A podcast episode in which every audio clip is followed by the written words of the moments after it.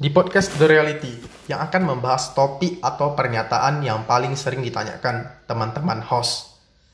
Host, bagaimana sih cara meningkatkan social skill kita atau kemampuan bersosial kita?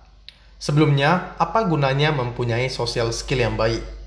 Satu, tentu saja kamu akan memiliki kenalan yang lebih banyak, sehingga kehidupanmu tidak bosan dengan teman atau pergaulan yang itu-itu saja. 3. Tugas sekolahmu atau kerjaan lebih mudah selesai karena lo dapat mengutarakan apa yang ingin kamu sampaikan pada timmu. Dan timmu dapat mengerti apa yang kamu sampaikan dan memahaminya. 4. Lebih mudah mencari jodoh karena pilihan lo atau kenalan lo lebih banyak. Yang enggak itu-itu aja. 5. Kesempatan-kesempatan lo akan lebih banyak dibanding orang-orang yang tidak membuka diri. Dengan mengenal banyak orang, banyaknya kesempatan baru yang akan lo raih. Ketika lo mengenal lebih banyak orang, lo tidak akan pernah tahu.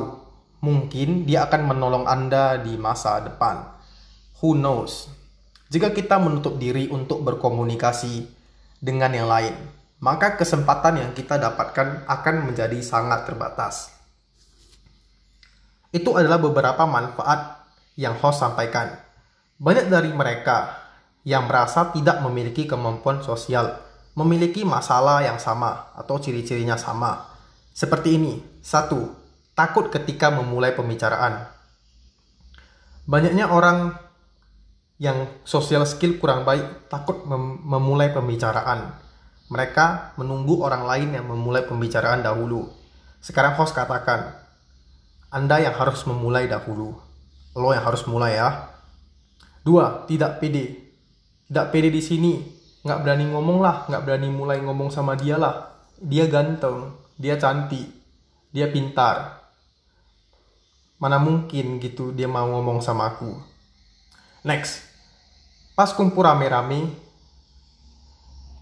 bingung mau ngomong apa dan kapan harus ngomong. Pasti lo semua pernah kumpul rame-rame segeng. Kayak segengmu lagi ngomong lu cuma diam-diam mereka ngejokes baru lu kayak hahaha ketawa gini ketawa pelan-pelan. Dan pas mau ngomong kayak aduh tunggulah nantilah tunggulah nantilah ini bukan waktunya. Itu. Selanjutnya empat. Sudah overthinking duluan. Belum mulai ngomong sudah berpikir macam-macam aduh nanti dia bilang aku caper gak? Aduh nanti dia gini gak? Bla bla bla bla. Itulah masalah-masalah yang dihadap in oleh orang yang merasa kemampuan sosial mereka kurang. Orang dengan sosial skill yang baik dapat berbicara dengan orang orang baru, memiliki kenalan yang banyak. Pasti lo semua berpikir, bagaimana sih bisa seperti mereka? Atau tipsnya apa? Jangan khawatir, kali ini host akan membagikan tips jitu. Bagaimana orang memiliki sosial skill yang baik? Bagaimana cara menjadi orang yang memiliki social skill yang baik. Tips pertama, senyum. Iya betul, lu gak salah dengar. Senyum. Senyum adalah hal sepele, tapi betul-betul jitu. Lihatlah contohnya, bayi. Kenapa banyak orang yang menyukai bayi? Hampir semua orang suka bayi dan anak-anak kecil.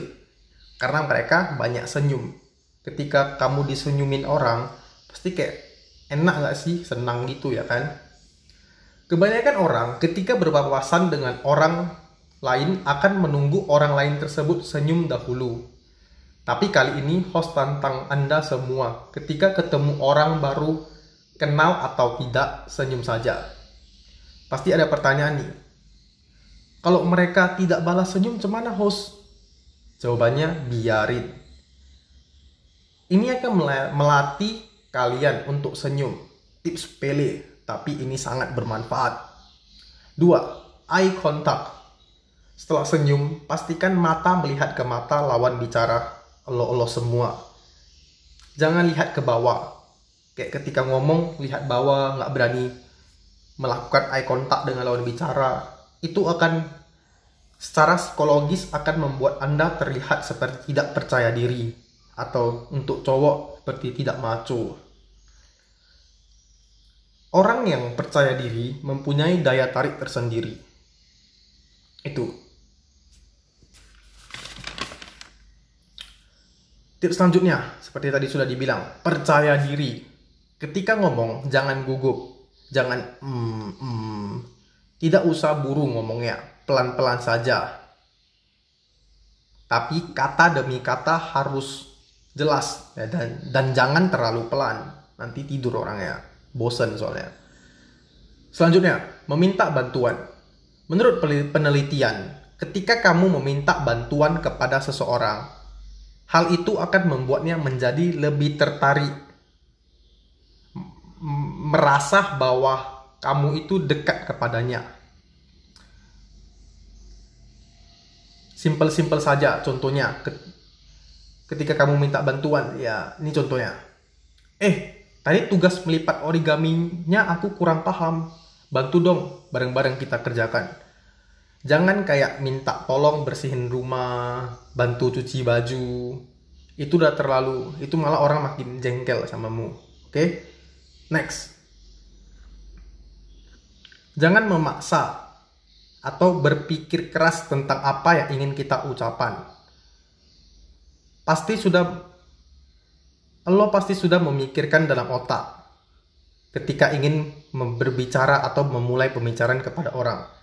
Jangan-jangan itu akan membuat malah tambah grogi dan terkadang realita tidak seindah ekspektasi atau tidak selurus yang kita bayangkan. Ikut alur aja, jangan maksa. Let it flow, brother. Bicaralah Jangan hanya diam ketika kumpul ramai-ramai, teman atau keluarga. Bicarakan dan usahakan supaya omonganmu didengar. Jangan cuma diam-diam tolol. Dari dan ketika kita kumpul keluarga, lu ngomong sama mereka, ketika dengan teman pertama pasti akan sulit, tapi semakin berjalannya waktu, lu akan lebih bagus. Tips terakhir, jadi pendengar yang baik. Tanya orang. Orang suka ditanya. Ketika dia menjawab, buatlah eye contact dan senyum-senyum tipis. Ingat, jangan banyak tanya di chat. Banyak tanya aja pas ketemu. Itu semua tips dari host. Ingatlah, seperti pisau yang semakin diasah semakin tajam, social skill lo juga semakin diasah, pasti bisa semakin bagus juga. Terima kasih.